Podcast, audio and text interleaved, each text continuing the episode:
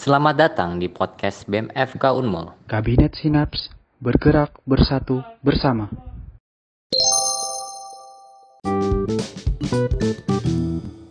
Halo, Assalamualaikum walai. Selamat datang di podcast BMFK Unmul. Gimana nih kabar bebuhan kam? Semoga bebuhan kam ini baik-baik seberatan lah. Jadi pada episode podcast kali ini nih, kita mau ngobrol ngobrol-ngobrol santai aja sih.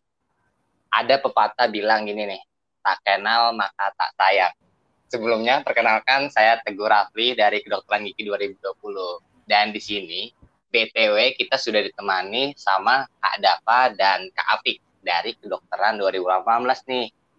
Boleh perkenalan dulu nih dari Kak Dava. Halo, astaga, aku balik lagi ke podcastnya Meditif. Eh enggak dulu kan aku Infocom ya. Salam kenal semuanya. Back. Wih, Halo, Dava. siap, siap, siap. Halo Kak Dava. Halo. Gimana, gimana nih kabarnya Kak Dava? Baik. Ya alhamdulillah lagi baik banget sih akhir-akhir ini. Atau sih aku lagi moodnya lagi bagus. Jadi aku nggak sabar buat ngobrol-ngobrol bareng kalian. Ya nggak Fik? Jadi throwback nggak sih? Iya nih. Siap. Dulu kita berdua doang, sekarang bertiga. Lebih Iya, rame Orang dong. tiga jadi. Aku perkenalan Ya. lagi nggak ya? Boleh nih Kak. Selanjutnya perkenalan nih dari Kak Afik lagi nih. Oke, jadi perkenalkan aku Muhammad Taufik Izdin eh, dari kedokteran 2018. Di ya seperti yang teman-teman tahu, aku kembali lagi bersama di podcast ini untuk membahas. Untuk sekarang sih kita bahasnya eh, tentang itu ya, tentang sosial media apa yang happening banget nih yang ada di sosial media akhir-akhir ini. Dan Iya, akan ada- trending gitu lah ya. Benar-benar. Meditif up to date. Mungkin langsung aja. eh selanjutnya apa sih Teguh? Kita mau membahas apa dulu? Oke kak nih, jadi ini kan kak eh, BTW nih kak ya, Eh, saya mau tanya nih ya ke kakak semua nih, kita sebagai warga Indonesia tercinta nih ya kan, jadi pada tahun ini tuh, pada trending hari ini, eh trending bulan ini atau bulan lalu ya, jadi pada tahun ini negara kita tuh mempunyai sirkuit balap internasional boy, sirkuit ini tuh bernama sirkuit Mandalika, tepatnya tuh di Nusa Tenggara Barat. Gimana nih kak? perasaannya kakak nih ada sirkuit internasional nih di Indonesia. Mungkin dari aku dulu ya. Monggo, monggo. Oke, jadi kalau sebenarnya nih eh, yang jadi sorotan utama di sosial media tuh kan bukan karena sirkuitnya. Mungkin sirkuitnya iya, tapi kan karena ada ada kejadian tidak mengenakan nih eh, di Indonesia yang menyebabkan ini jadi kayak eh, happening banget nih dari trending eh, berapa minggu beberapa minggu ke, apa ke belakang maksud saya. Nah, sebenarnya sih aku juga nggak terlalu eh, interest banget sih sama balap-balapan, cuman yang jadi kebanggaan kan kita tuh sudah bisa punya sirkuit balap ya. Ini balapnya apa ya? Superbike ya kalau nggak salah ya di Mandalika itu. Jujur Jadi nggak kan tahu. Nah, Iya, jadi eh, se- jadi sebuah kebanggaan sendiri sih. Maksudnya kita sudah ada standar internasional yang yang bisa apa ya? Bisa Mhm. jadi kebanggaan gitu, yang bisa eh, juga menjadi mungkin ke depannya jadi eh, meningkatkan pariwisata, nggak tahu juga kan. Nah, Mm-mm. Tapi itu sebenarnya ya, Dap ya. Di sini nih eh, aku dapat video amatir gitu deh dari TikTok nggak sih? Kalau kalau aku sih dapatnya dari TikTok ya. Jadi kayak ada orang Indonesia itu tuh dia tuh buka box eh, motornya gitu eh, dari tim Ducati. Jadi sebenarnya itu kan nggak boleh nih di otak-atik karena kan buat balapan ya masa di otak-atik. Nah di orang Indonesia nih buka box kayak di video kayak senang banget gitu kan. Eh, buka box terus eh, kayak gaya-gayaan gitulah maksudnya wah aku bisa megang Flexing. eh, nah ya flexing gitulah padahal bukan punyanya juga gitu kan maksudnya tuh norak gitu nah sebenarnya eh, untuk kenorak kenorakan Indonesia tuh sudah sangat-sangat umum sih sebenarnya nggak cuman ini doang menurutmu gimana ya maksudnya kenapa orang-orang tuh eh, kalau ini termasuk whistleblower nggak sih ya maksudnya kayak dia memamerkan ke circle-nya kalau misalnya aku bisa eh, megang motor balap nih gini gini gini menurut lo gimana sih menurutmu salah nggak sih kayak gitu atau biasa aja gitu?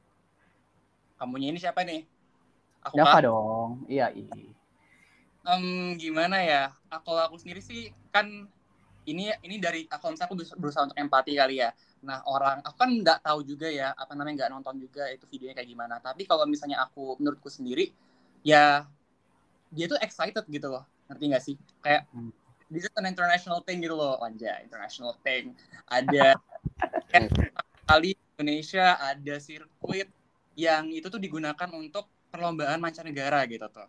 Ya kalau misalnya kalau aku sendiri ya karena aku sendiri orangnya emang suka sharing di sosial media, aku orangnya juga lumayan ekspresif gitu kan ya. Kalau aku punya kesempatan buat you know, apa namanya? untuk ada di di orang dalam gitu loh, orang dalamnya GP ini. Terus juga aku punya huge interest juga di topik tersebut, ya aku bakal bakal flexing sih ibaratnya gitu. Nah, kalau menurut aku sendiri sih kayak apa ya? Aku kan nggak tahu ya ini nih sebenarnya uh, boleh atau enggaknya itu dalam sisi apa dan bagaimana. Tapi ya memang uh, yang di- harus diperhatikan tuh sih gimana ya? Uh, boleh bangga, tapi harus tahu anu dulu nggak sih? Kayak tahu batasannya. Kalau di sini kan uh, udah jelas banget gitu. Dia unboxing ini kan nggak boleh kan, ya kan? Iya, Nah, iya, iya. aku tuh jadi kayak bingung ini mereka komunikasinya gimana gitu loh nggak dikasih tahu apa orangnya ini kalau unboxing hal tersebut tuh nggak dibolehin nah gitu sih walaupun memang aku bisa berempati bisa ngerasain kalau aku di posisinya dia pasti bakal senang banget. Tapi ya dia ini kok bisa nggak tahu gitu loh kalau apa namanya eh, unboxing hal tersebut nggak boleh. Aku sih gitu. Tapi untuk perkembangan perkembangan beritanya sendiri aku juga baru tahu sih. Ya ya kan kayak aku nggak tahu seluk beluk itu bagaimana gitu. Mungkin teguh bisa lebih tahu kali tentang hal ini. Nah, saya saya eh, nggak terlalu banyak tahu sih kak, tapi saya setuju sih apa yang katakan kak Dava tadi. Jadi kayak kita tuh sebagai eh, panitia tuh harusnya tahu dulu ya tata kerama dari Mm-mm. eh, pembukaannya itu dulu, pembukaan barangnya apakah boleh atau enggak tuh mungkin harus lebih tahu dalam-dalam ya. Iya, iya, Hmm. benar, benar, benar. Ya sebenarnya eh anu sih, eh apa ya? Mungkin ya tadi, mungkin karena orang itu international things. mungkin karena kayak kesempatan sekali seumur hidup kali ya. Gak tahu juga sih. Heeh, gitu loh. Jadi kayak didokumentasikan. Sayangnya ya eh di sayangnya dilempar di sosial media di mana kita tahu tuh sosial media tuh eh, pedang bermata dua gitu. Maksudnya apa yang kamu sampaikan di sosial media itu bukan eh, belum tentu di apa ya diinterpretasikan eh, yang sama yang seperti kita harapkan gitu sama orang-orang. Mm-mm. Makanya apalagi kalau sosial medianya udah eh, di section komen gitu kadang wah nggak benar. Kadang sampai wah bunuh aja keluarganya apa segala macam malah perambat ke mana-mana gitu. Nah, memang iya. iya sih. Eh Heeh. mungkin kayak ada faktor Nora nggak sih kak? Baru pertama kali mungkin masih awam gitu, jadi ada kesalahan sedikit gitu nggak sih kak? Sebenarnya itu ya ya benar. Sebenarnya kayak misalnya kita ketemu artis gitu loh, maksudnya kayak ah gitu loh. Maksudnya kalau misalnya misalnya aku ketemu siapa? Eh, Rich Brian mungkin. Mungkin aku juga bakal norak gitu kan. Makanya kenapa kalau misalnya orang-orang di konser gitu kayak di Justin Bieber apa segala macam tuh kadang orang-orang kan kayak narik-narik tangannya sampai Justin Biebernya mungkin kayak penyanyinya tidak merasa enak mungkin bukan bermaksud menarik maksudnya kayak dia tuh ada momen di mana dia tuh dekat sama idolanya gitu loh jadi Mm. jadi dia merasa kayak wah ini nih kesempatanku gitu. Nah gitu Ya. sih. Mungkin gitu ya. Kan privilege gitu nggak sih? Iya benar. Terus juga bisa kita anot bisa kita dengan kehidupan FK kita gitu.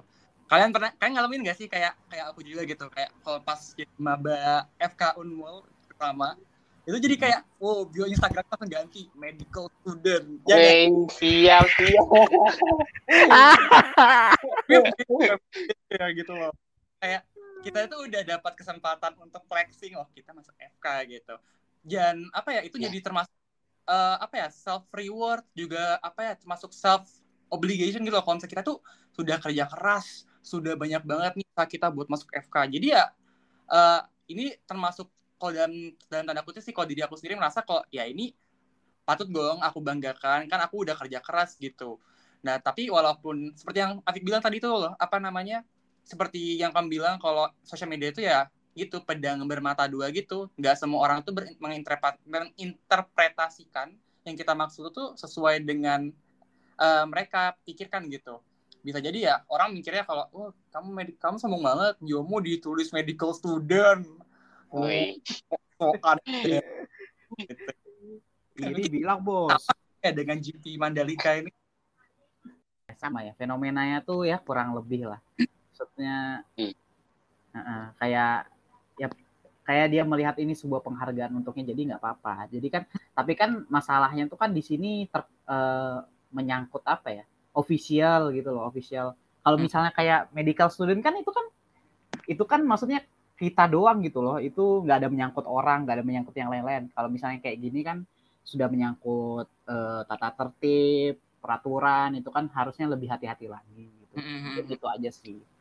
Benar Memang euforia tuh kadang mengalahkan akal sehat. Wadaw. Trip Afik 2021.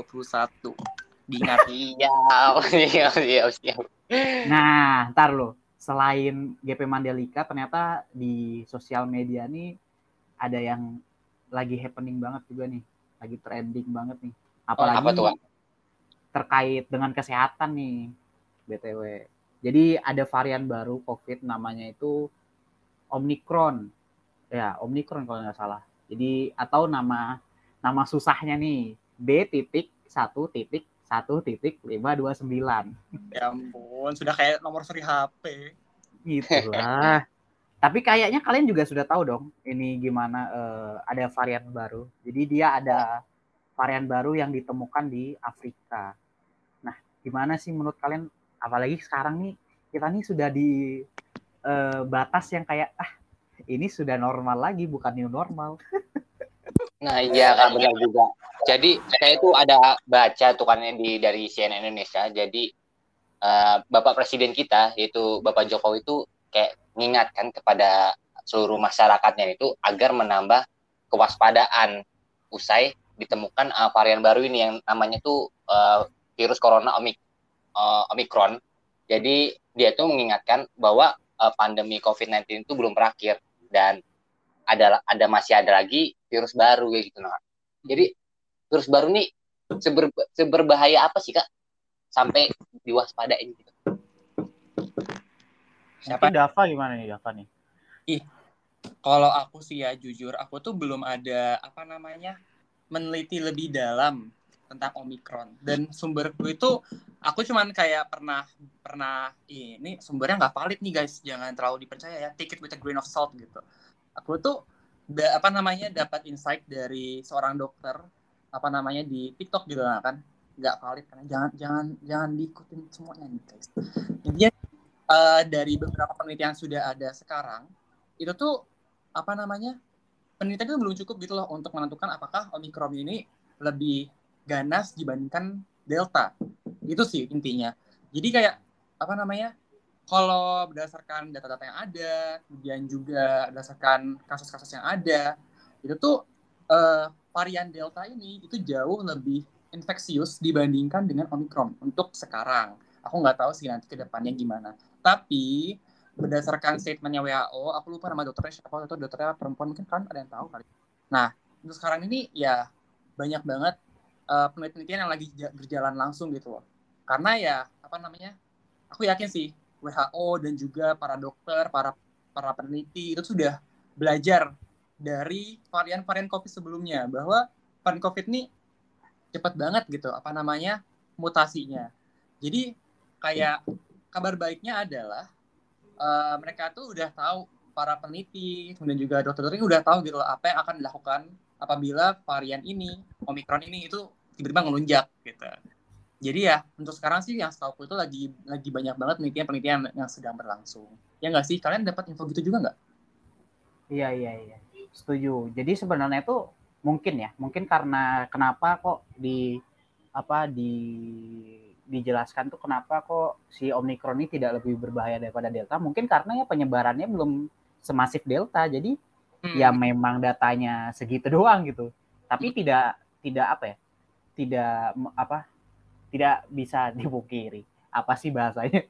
Jadi eh, bukan berarti ini nih wah nggak bahaya nih berarti ya udah santai aja gitu ya belum tentu kalau misalnya udah masuk Indonesia nggak ada yang tahu kayak kemarin kan pas baru baru barunya uh, si COVID itu belum masuk Indonesia nih katanya Indonesia nggak nggak bakal bisa masuk karena orang-orangnya makan nasi kucing lah karena iya karena apa e, cuacanya panas lah apalah segala macam ya ternyata bisa-bisa aja gitu maksudnya kita kecolongan pertama di situ nah untungnya e, untuk sekarang ini kan e, kalian pak sudah pada vaksin belum sampai yang kedua nggak tahu kok gimana tuh kalau saya sih barusan tadi sih vaksin kedua. Oh iya. Itu vaksin AstraZeneca ya kak. Oh iya barusan banget. Nggak nggak ada kipi emang. Maksudnya kipi itu mana? Kipi itu itu uh, apa? Ya, efek habis vaksin. Pasca imunisasi jadi ya. Iya benar. Oh, kalau dari saya sih yang efek dari vaksin itu pas vaksin pertama aja sih. Itu kayak sedikit Eh, panas-panas uh, gitu. Hmm. Kalau di vaksin kedua ini alhamdulillah nggak ada mungkin karena imunnya ini sudah bekerja kali ya kak. Jadi nggak ada efek-efek itu. Aja, aja. Kalau Dava sudah belum? Kalau aku jujur ya, aku belum vaksin yang kedua, guys. Sumpah, hmm. Sinovac tuh susah banget sekarang dicari. Beneran deh. Iya, karena Sinovac itu sudah lama banget ya itu sudah gelombang pertama banget ya sih ah, dan sekarang itu setiap kali ada yang mau buka Sinovac itu tuh rame banget gitu loh jadi kayak aku mau ikutan ngantri sama mereka ntar malah kena covid covid deh gimana gitu loh. Kadang-kadang mikirnya kayak ya ampun serba salah sekarang ini. Jadi dilema ya. Aku hmm. juga Sinovac tapi sudah kedua alhamdulillah. Keren banget. Eh tapi itu, itu ke Omikron Omikron hmm. Gimana nih? Uh, kalau di Indonesia sendiri kayaknya belum ya. Uh, Insya Allah janganlah jangan Mud sampai lah. mudah nih enggak sih kak ya. Jangan sampai lah ke Indonesia. Kalau ke Indonesia bah kacau tambah kacau sih. Ya tapi Ini sudah enggak mau baik gitu. Gimana dap pemerintah tuh sudah udah apa namanya membu mem membuat langkah awal terutama itu tuh dari segi uh, migrasi, transmigrasi atau transportasi. Aku nggak tahu sih nama nama sebenarnya itu apa. Intinya tuh orang-orang yang dari beberapa negara, negara yang sudah ada beberapa kasus Omikron tuh udah dilarang masuk. Pernah dengar nggak? Kayak contohnya itu sekarang Afrika, uh, orang yang dari Afrika belum boleh masuk ke Indonesia. Seperti hmm. itu. Kan, wah ini tidaknya ada perkembangan kan, kabar baik kan dari segi pemerintahan kita tuh sudah tahu bahwa ya ini emang harus ada pencegahan di awalnya. Hmm, kayak membatasi gitu ya pergerakan dari. Hmm, benar ya. benar. Bagus bagus sih. Bagus ya, itu, uh, bagus itu. Mm Soalnya kan eman ya, kalau kalian lihat di Satgas Covid itu peta di Indonesia itu semuanya sudah kuning, uh, sudah resiko rendah semua gitu loh. Kalau misalnya tiba-tiba jadi merah lagi, PR juga ya, Wak ya. Gak bisa lagi dong ngopi-ngopi. itu suka nggak bisa kuliah offline kita nanti aduh ya nggak bisa nggak bisa healing aja aja eh tapi eh, yang diomongin Kak Dava tuh saya juga pernah baca sih jadi kayak penerbangan ya, penerbangan tuh uh, memperlakukan larangan perjalanan itu jadi negara-negara yang dari kawasan Afrika tuh dilarang masuk sama pemerintah Indonesia kayak sama pemerintah Inggris juga gitu nah kak. Hmm. Ya, apa berarti kita sumbernya? Hmm, sudah sudah bagus lah Indonesia ini uh, cepat tanggap lah terhadap virus Omikron Omikron ini supaya tidak menyebar luas di Indonesia. Tapi ya kita lihat dulu kan ya perkembangannya gimana. Semoga konsisten sih. Kadang-kadang masalah di Indonesia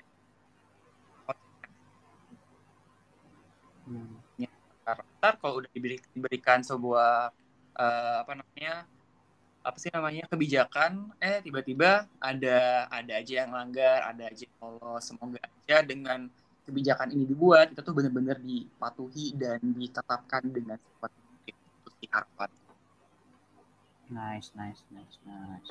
Nah, uh, anu sih uh, menurutku virus omikron ini nggak uh, seper nggak separah eh, membuat apa ya membuat paranoia para masyarakat gitu. Jadi masyarakat sekarang ini sudah kayak biasa aja gitu.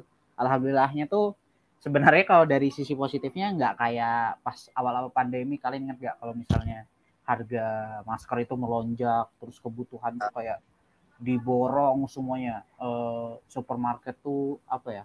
Kayak macet bukan macet sih padat banget gitu loh. Kayak kayak mau menghadapi apa aja gitu loh. Maksudnya kalau bisa aku bilang sih alay gitu loh pas itu. Ya alhamdulillah iya. sekarang sih kayak biasa aja gitu. Maksudnya masyarakat ya tetap awas cuman nggak berlebihan kayak dulu gitu. Jadi eh, bosan juga nih kita sudah bahas virus baru tentang Omicron. Kita juga sudah habis dua tahun eh, pandemi dihabiskan oleh virus-virus lain. Ya Delta sampai Omicron sekarang ada baru lagi. Pokoknya bosan lah bahas virus. Mungkin kita lanjut kali ya ke materi selanjutnya. Apa sih Dap, materi selanjutnya nih? Mungkin bisa refreshing nih buat kita juga. Nih, aku nih materi selanjutnya nih. Topiknya itu tuh lebih kayak masa depan kita. Asik. Oh, siap, siap, siap, siap, siap. Jadi kan as you know para audiens kita, kita kan mahasiswa kedokteran ya, ada kedokteran aku sama Afik dan juga kedokteran gigi si Teguh.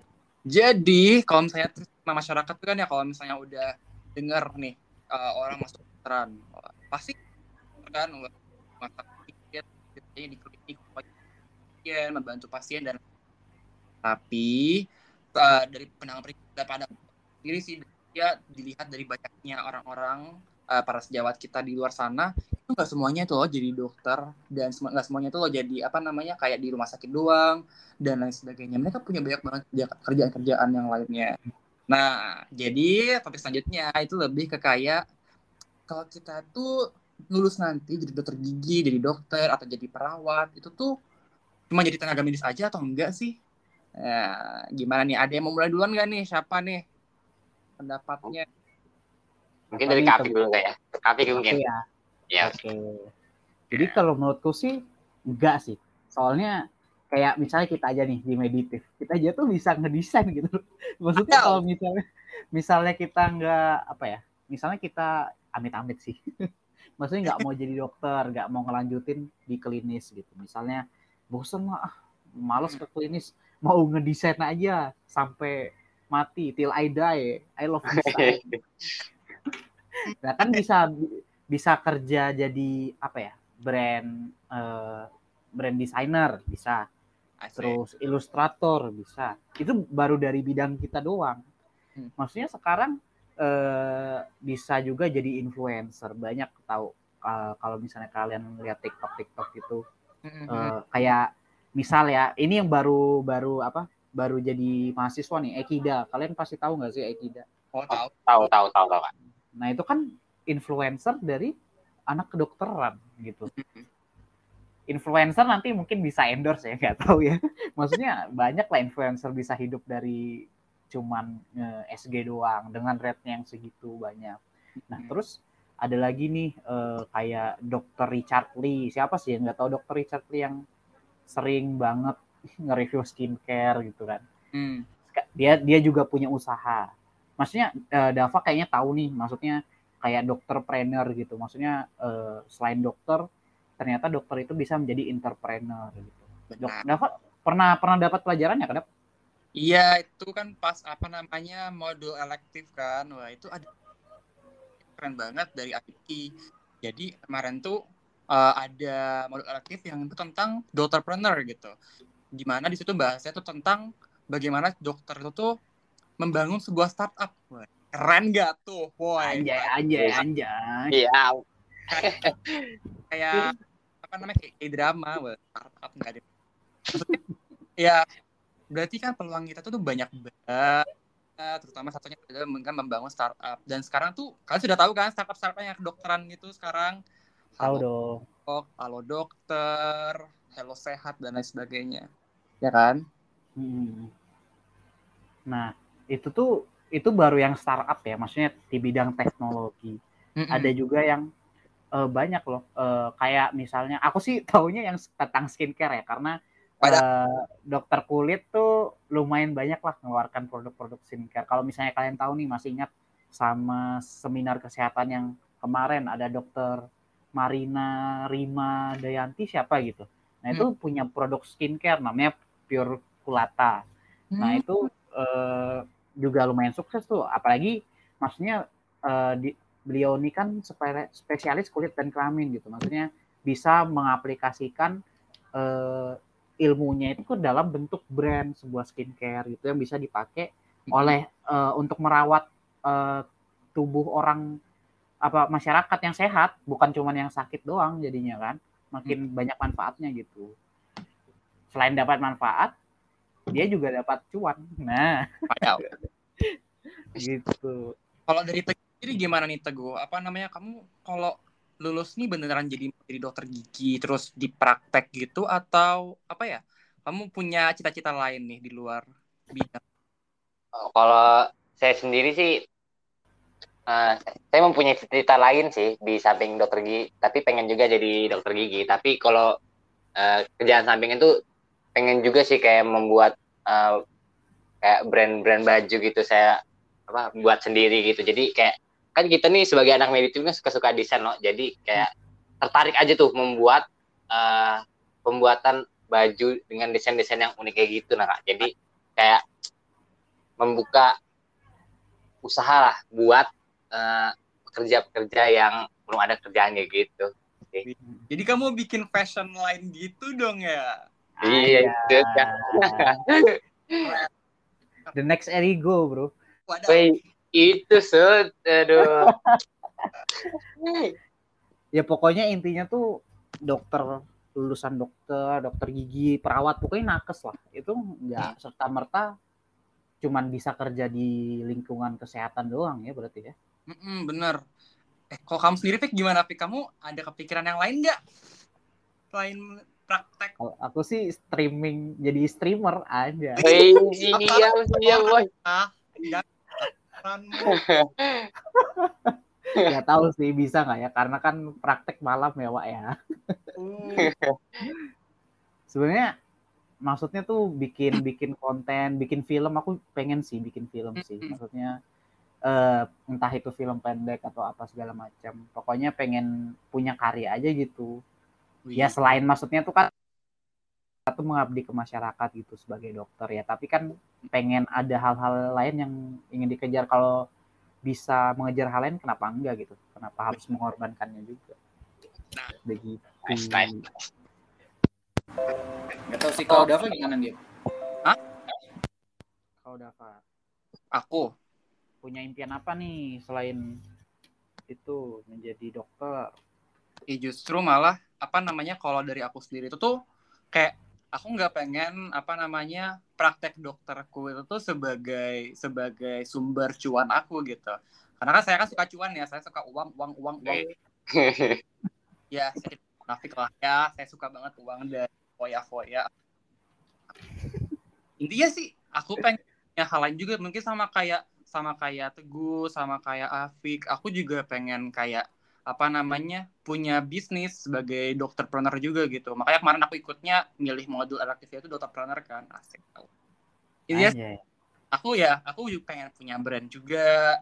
Dan kepikirannya sih sekarang aku pengen punya brand skincare ya. Makanya sekarang aku juga lagi part time part time di sebuah brand skincare juga. Belajar belajar juga kan. Terus apa tuh namanya? Mau di promote ya nih kan? Bukan maksudnya kan? Ya apa ya? Itu.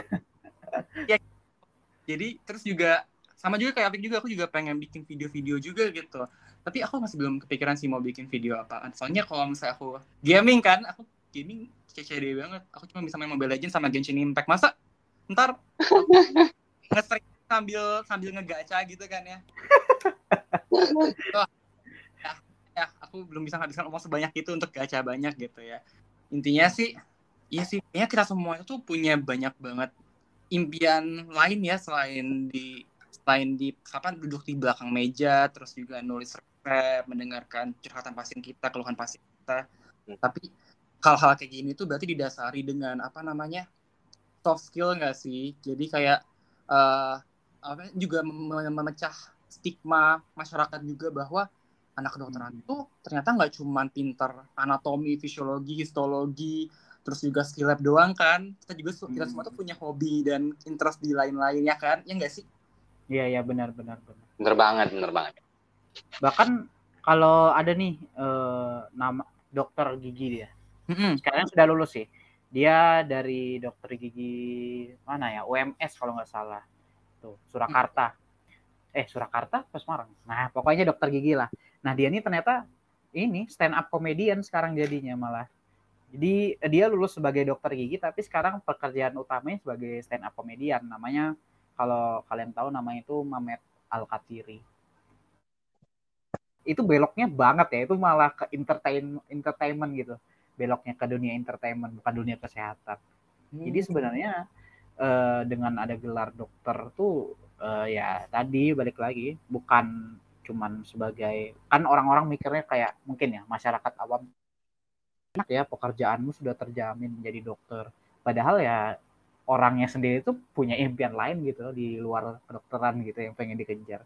Jadi nggak nggak harus jadi dokter doang gitu. Mm-mm. Mahasiswa-mahasiswa kedokteran, kesehatan gitu.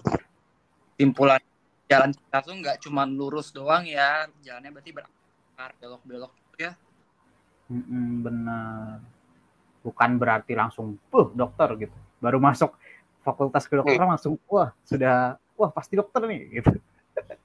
Padahal mah banyak yang harus dilewatin, ujian blok, Osce, Trapmed, itu, skripsi. Aduh, Wah, waduh. Aduh, pusing nih guys, guys. Ngomong-ngomong nih, masuk-masuk kedokteran kedokteran nih kak. Kira-kira Hmm. Pas sebelum kakak masuk kedokteran tuh kakak belajar-belajar nggak sih? Kayak jadi setiap hari tuh belajar 24 jam sampai atau 20 jam tuh empat- kayak kurang kurang tidur nah kak. Jadi kan masih banyak tuh orang-orang luar sana tuh pengen masuk kedokteran, ambis.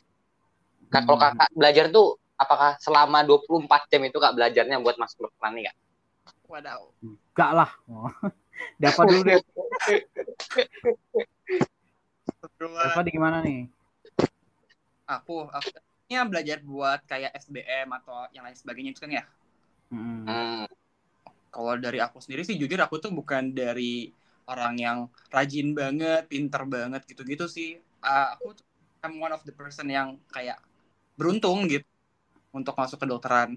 Walaupun memang aku suka banget, pengen banget masuk kedokteran waktu itu. Dan ya, waktu itu belajarnya cukup gila sih karena aku kan udah keterima SNMPTN kan waktu itu. Jadi kayak Mm. Balas dendam. Ah, kok aku bisa gak keterima SNMPTN? Langsung SBMPTN-nya. Dan mungkin orang-orang SBMPTN tuh ya, kayak gini, kayak gini. Mm-mm. Kamu gimana, Vic? Kalau aku sih sebenarnya malah sebenarnya nggak mau masuk ini, maunya masuk ilmu komunikasi fisik. Cuman kayak aduh gimana ya takut pas mau milih apa mau milih lintas jurusan tuh kayak aduh takut juga nih. Eh, maksudnya sosum nggak pernah megang dari kelas 1 kalau misalnya tiba-tiba ini kan gambling ya maksudnya aku berjudi dengan takdir gitu. Pada takutnya kalau misalnya aku pindah tiba-tiba sosum dengan waktu segini eh, sempitnya gitu malah nggak terima akhirnya aku tetap eh, pilih eh, saintek tapi aslinya nggak mau juga di anu sih nggak mau di apa? Di FK cuman ya ya seperti yang kalian tahu sendiri jadi ya aku sebenarnya nggak belajar yang gitu-gitu banget tapi ada strateginya aja Eh, Siapa tuh strateginya tuh kak? Kalau boleh tahu sih. kan kita tuh harus taktis ya dalam hidup itu. Nah, kalau kalau eh, angkatanku sama Dava tuh kita tuh nggak jelas ya Dap ya. Eh, maksudnya tuh eh, kalau misalnya kita pilih jawaban pas SBM dulu tuh itu dikurangin apa enggak sih? Lupa aku. Pokoknya pas itu ada desas-desus katanya jawab aja semuanya sembarang nggak apa-apa.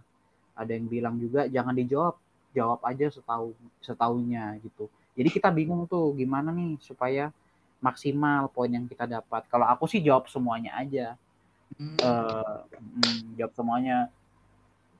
Atau enggak kamu eh, maksimalin aja dari pelajaran yang kamu suka atau yang kamu bisa. Kayak aku jelek di kimia, maksudnya aku nggak suka kimia nih.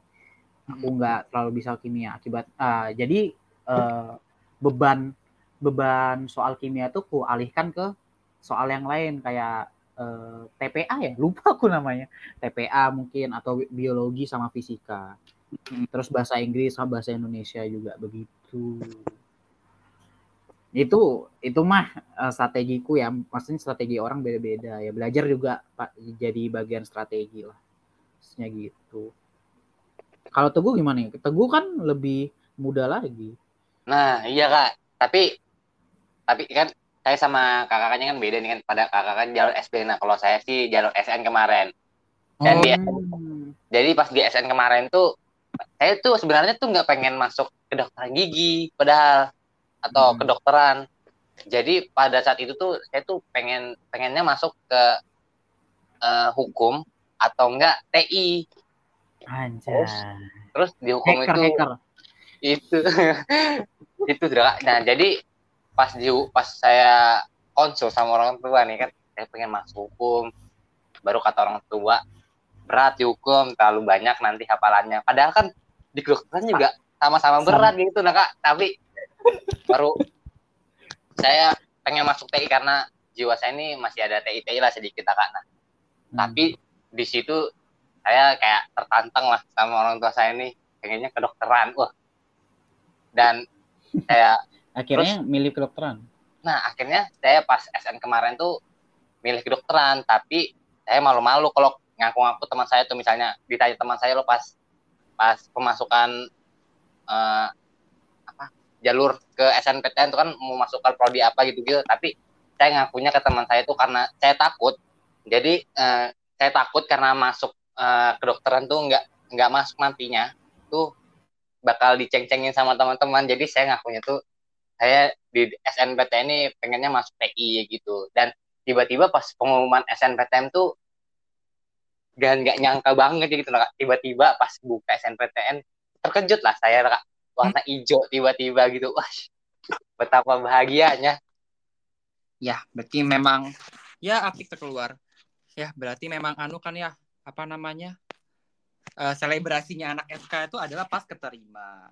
nah bener banget sih kak jadi pas pas pas keterima tuh kan kak wah saya langsung kayak orang nggak jelas gitu nah Kak. pas keterima SNPTN saking bangganya tuh ya dan baru saya tunjukkan ke orang tua dan akibat tertantangnya itu padahal aduh pas sudah kemasuk sedikit waktu waktu tidur tuh sedikit terkuras Walaupun jurusannya tetap nggak di apa, nggak di apa, bukan bukan dari apa ya? Maksudnya kan itu saran dari orang tua ya. Aja bangga kan ya. Keterima. Ah. pas pemilihan SN SN kemarin tuh kak ya saya tuh pas milih kedokteran gigi itu saya baru terpikirkan pas setelah semester lima nya pas sudah mau pengumuman pengumuman rankingan dari sekolah tuh kak yang SN keren tuh saya baru terpikirkan buat masuk kedokteran gigi situ karena tertantang dari orang tua. Sebelum sebelumnya tuh saya pengen masuk eh, hukum habis itu pengen masuk TI baru pengen masuk kayak admin apa eh, ekonomi ya gitu gitu. Nggak nggak terpikirkan buat masuk kedokteran. Karena kayak ibarat kayak nggak mungkin lah kalau saya masuk kedokteran and mungkin karena doa orang tua kali ya Iyalah. Pasti Mm-mm. itu.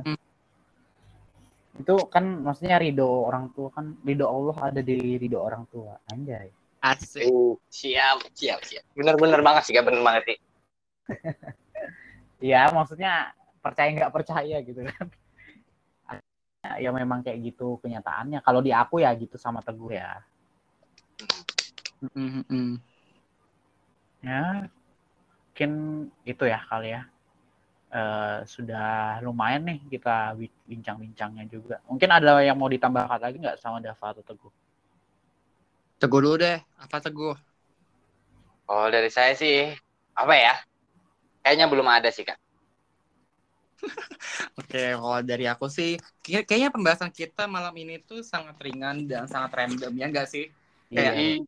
Diawali dengan Mandalika, terus ngarah ke Omikron, terus ngarah lagi ke FK dan cita-cita kita setelah terus random kan.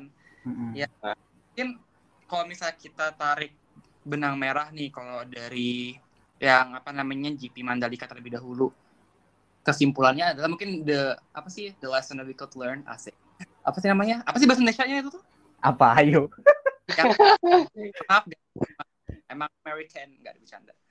Oke, lanjut.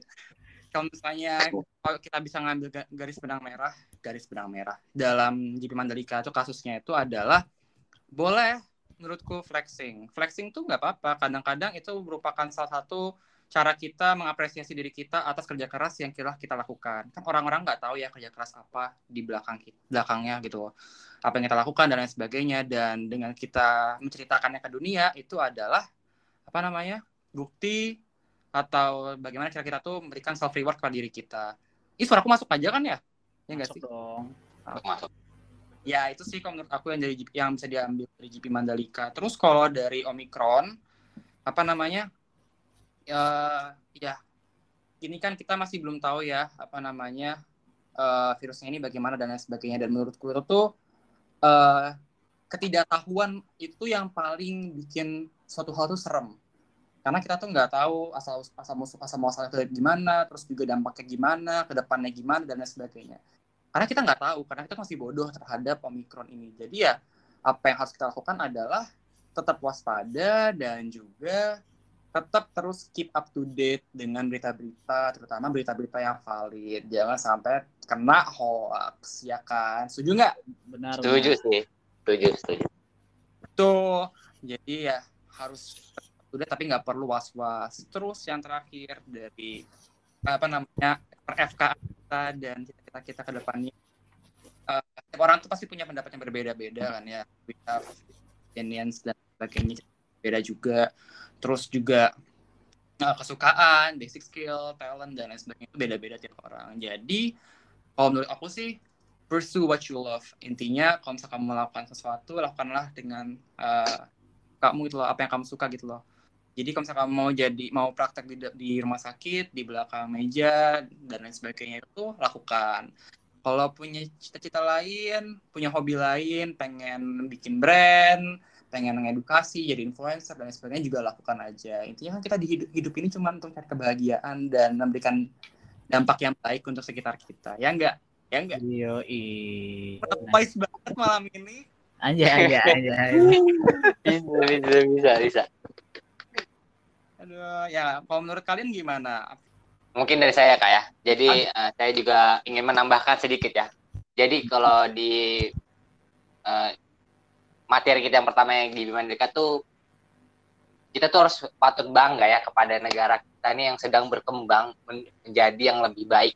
Ya ibarat kita bisa membuat sirkuit internasional dan nanti di tanggal bulan Maret kalau nggak salah itu bakal ada motor GP. Bayangkan Mark Marquez nih ke Indonesia untuk balapan, wes apa enggak wow gitu ya.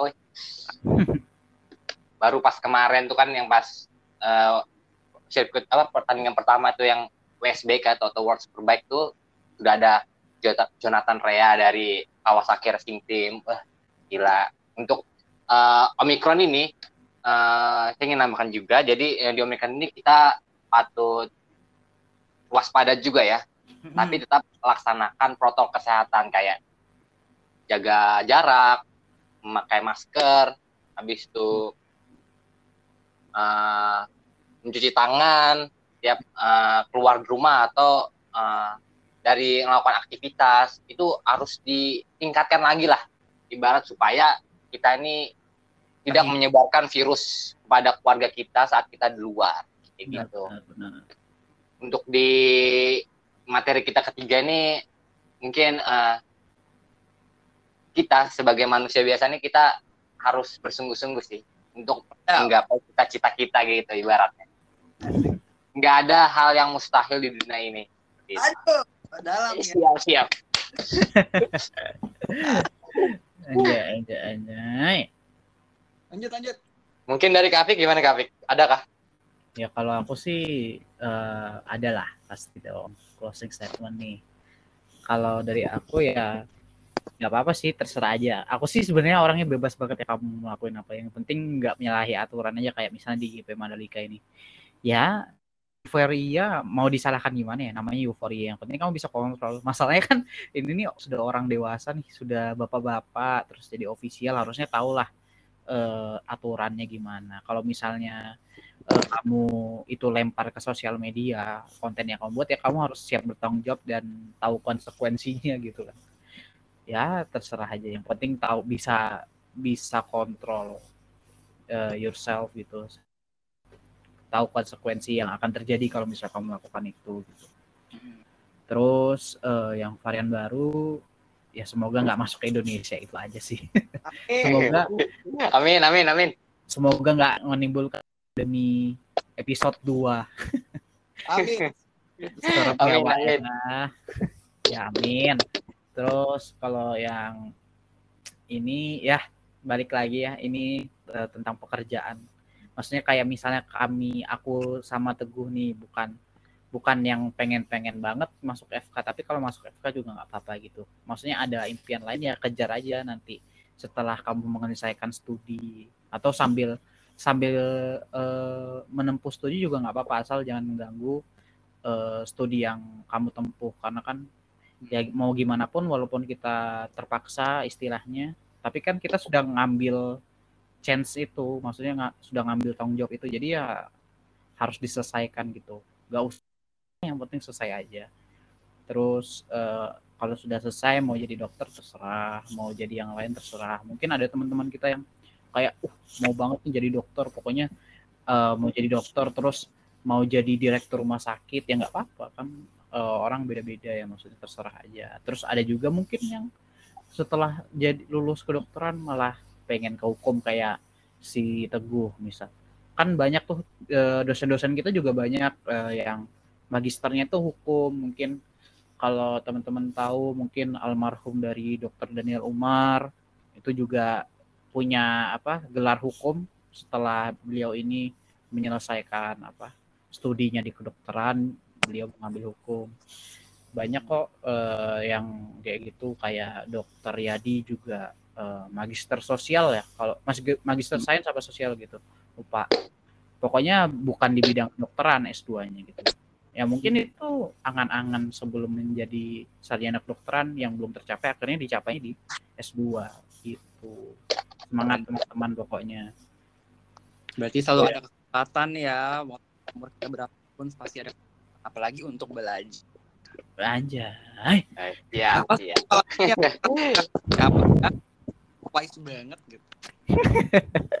filosofis banget ya gila mungkin tutup aja kali ya mungkin teguh nih bisa nutup nih karena udah lumayan lama juga nih kita sudah Oke. eh, berbincang-bincang Oke, mungkin eh, begitu aja lah eh, podcast pada episode kali ini.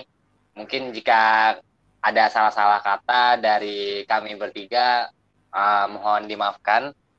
Eh, ada nggak kak kata-kata bijak nih buat penutup kali ini? Kok nanti tambah panjang lagi kata-kata bijak. Eh, jangan lupa kerjakan skripsi udah itu aja Eh, siap, siap. Oke, deh oke. Bye bye makasih guys. Oke. makasih. Semangat pejuang skripsi. semangat mahasiswa kedokteran kedokteran gigi dan perawat. Teman-teman BMKM FK Unmul. bye bye terima kasih. Selamat berjumpa di episode selanjutnya. Lanjut. Siap.